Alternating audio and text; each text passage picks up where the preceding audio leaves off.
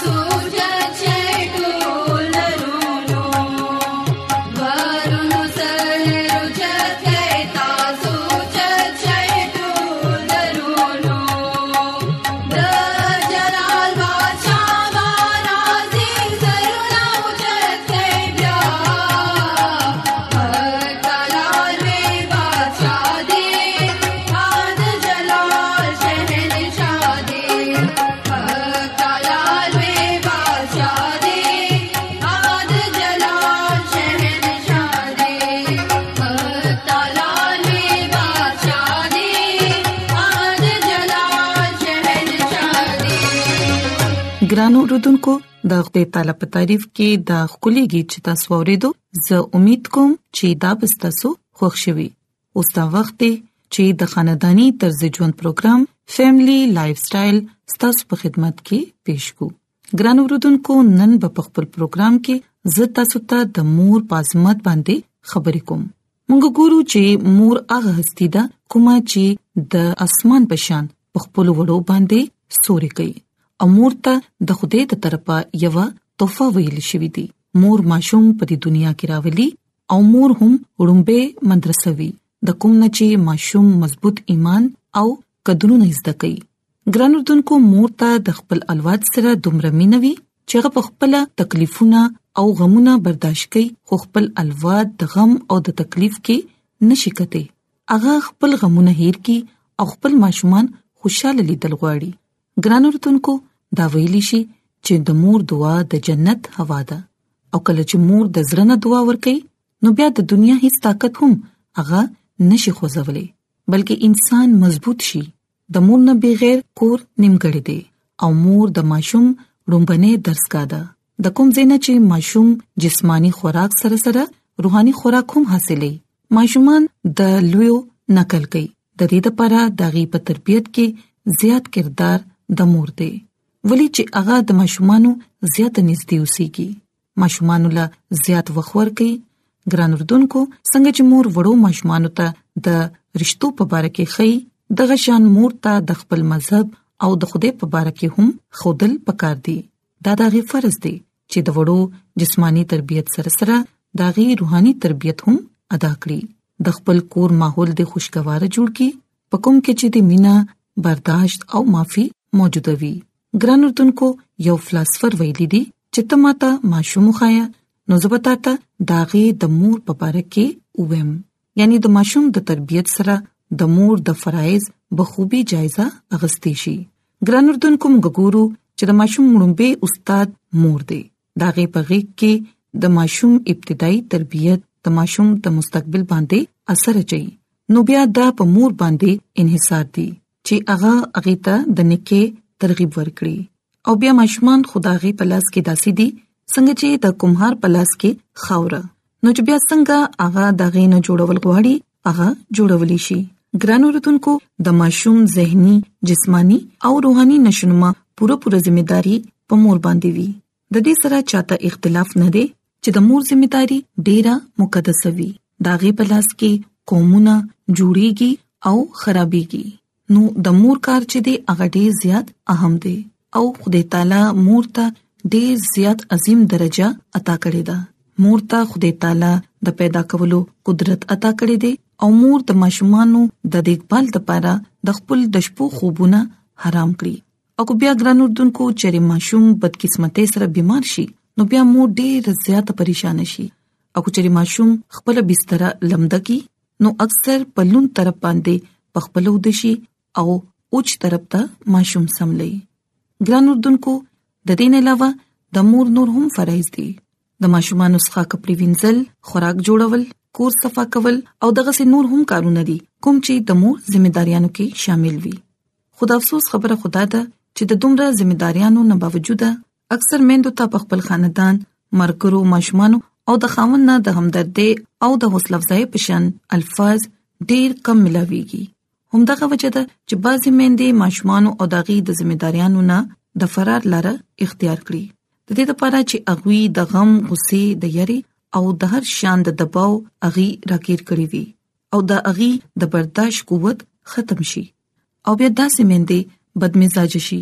د ډیپریشن ښکار شي او د ډېر مند خو دماغي توازن خراب شي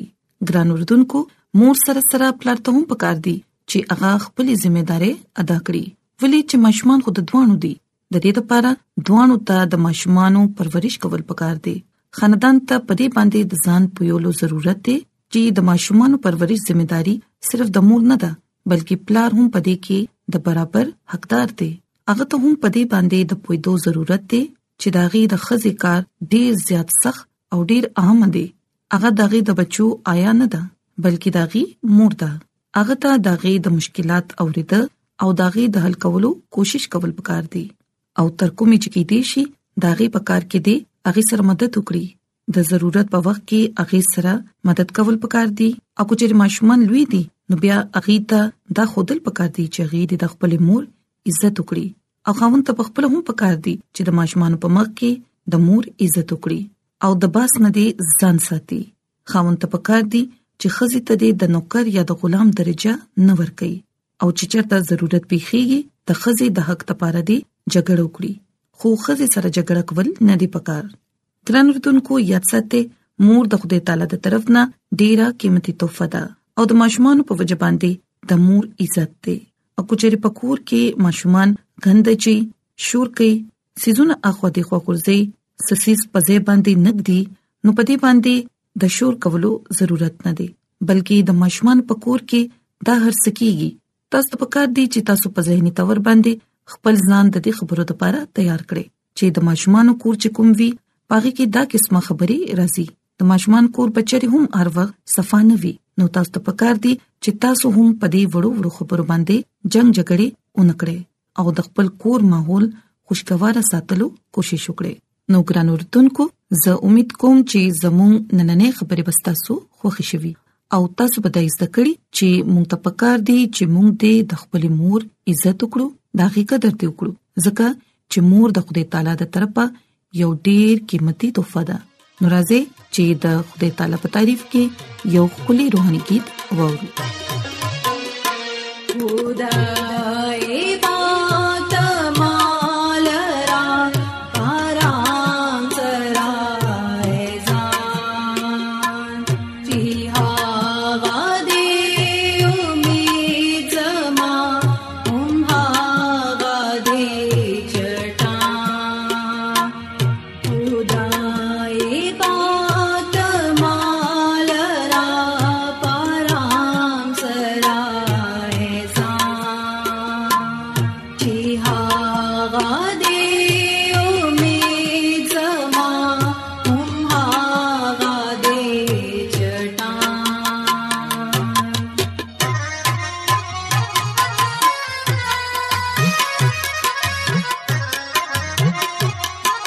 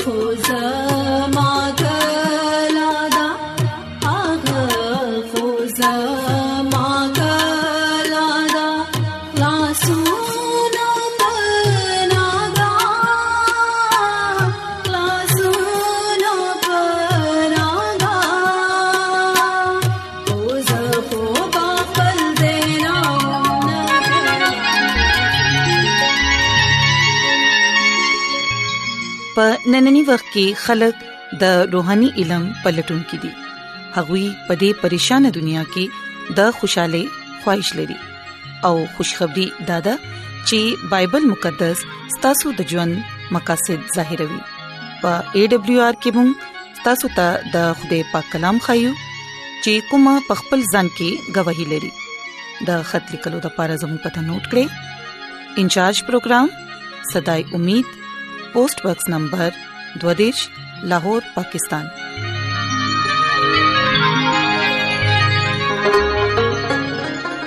ایمان او ریدو سره پیدا کیږي او اوریدل د مسیح کلام سره ګران اردوونکو دا وخت دی چې خپل زړونه تیار کړو د خدای تعالی د پاک کلام د پاره چې هغه زموږ پزړونو کې مضبوطې جړې ونی سي او موږ خپل ځان د هغه د بچاغت لپاره تیار کړو عیسی مسیح په نامه باندې تاسو ته سلام پېښ کوم زه د مسیح ادم جاوید مسیح په کلام سره تاسو په خدمت کې حاضر یم زه د خدای تعالی شکر ادا کوم چې نن یو ځل بیا تاسو په مخ کې د خدای کلام پېښ کولو موقع ملاو شو راځي خپل ایمان مضبوطه او ترقه لپاره د خدای کلام اورو نن د بایبل مقدس نه چې کوم خبره مونږه زده کو هغه د اقرار د خدای کلام کې چې کله مونږه ګورو نو خدای کلام امثال کتاب دوکم دی شاید او د لسم آیت کې هغه دا وای چې کم خلک خپل ګناه پټي نو اغي کامیابی دی نشي او چې کم خلک اقرار کوي او دغه ترک کوي نو په هغه باندې رحمت بکیږي د خدای رحم حاصلول د پاره آسان شرایط درست او مناسب دي خدای دا نه غواړي چې مونږه تکلیف کې کار وکړو هغه زمونږه ګناونه د پاره معافي غواړي زمونږه د پاره د دې ضرورت نشتا زمونږه لری سفر وکړو یا تکلیف دې کفاره ورکو نو خپل روح چې کم آسماني خوده سپورت دې یا خپل د ګناونو محض افسوس وکړو د دې برعکس چې کم سړی د خپل ګناونو اقرار وکي او ترک وکي نو هغه معافي با واخلي رسول دا وایي چې یو بل سره د خپل ګناونو اقرار وکي او یو بل سره دوا وغواړي چې تاسو ته خوده شفا درکړي لکه یعقوب پنځم باب سوار لسم آیت کې هغه دا وایي چې تاسو د خپل ګناونو اقرار خپل خوده حقيقي په مخ کې وکړي او هغه به تاسو معاف کوي او خپل قصور یو بل سره اقرار کوي چې تاسو خپل دوست یا پړوسی ناخوشاله وي نو خپل غلطي تسلیم کوي او هغه سړی خوا ته لاړ شي نو داغه نه ځان د پاره معافي غواړي چې کم رور تاسو زخمی کړي دي هغه د خوده ملکیت دی هغه له نقصان ورکول ولی چې خوده هغه پیدا کړي دي هغه له نجات ورکول د پاره هغه خلاف ګناه وکړو خبره دومره ده چې هغه رښتیا مخامخ پیش کو زمونږه ټولو لوی سردار کاهن زمونږه په مخ کې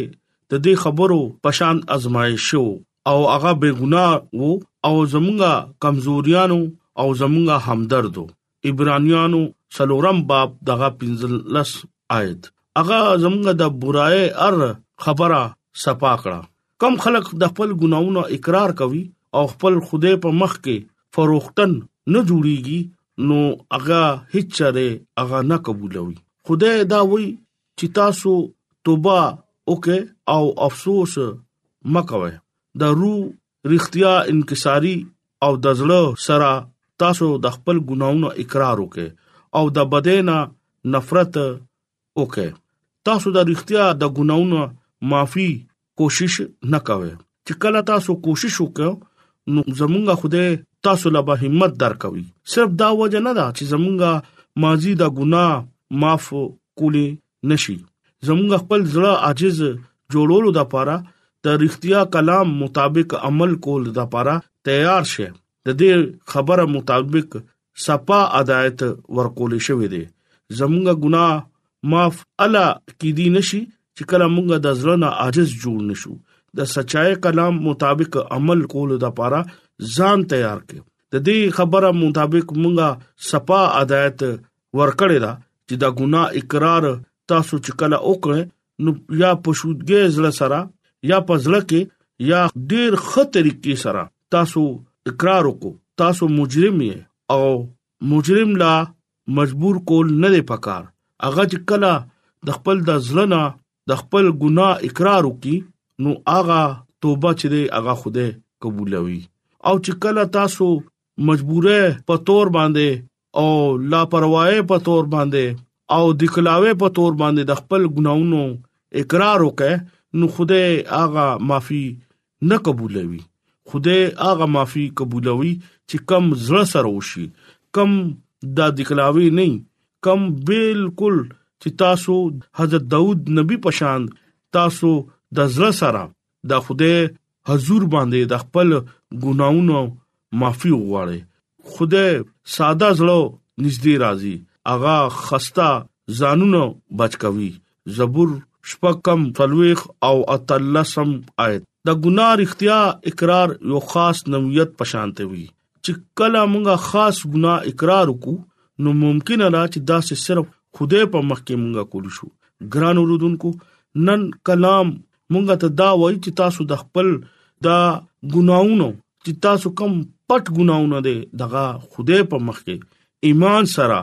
اقرار وکړي نو تاسو د خدای نه بیا څنګه برکت باخله تاسو به نقصان کې ونه تاسو ته به خدای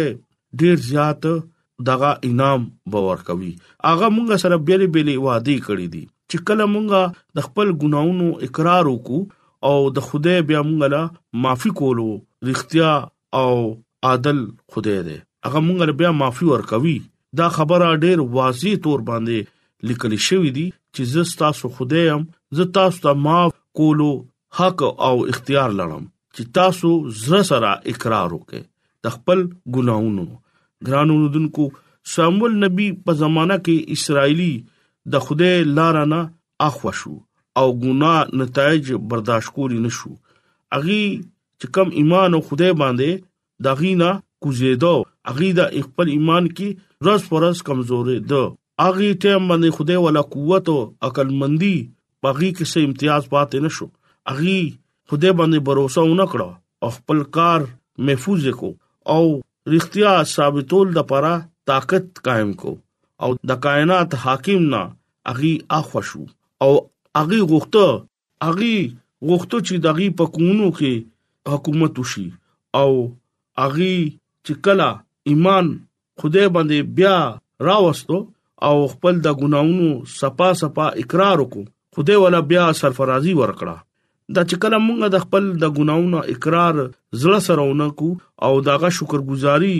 نکو نور القدس او هغه روح مونږ له بیا تکلیف ورکوي چې کم مونږه خدای نه جدا کوي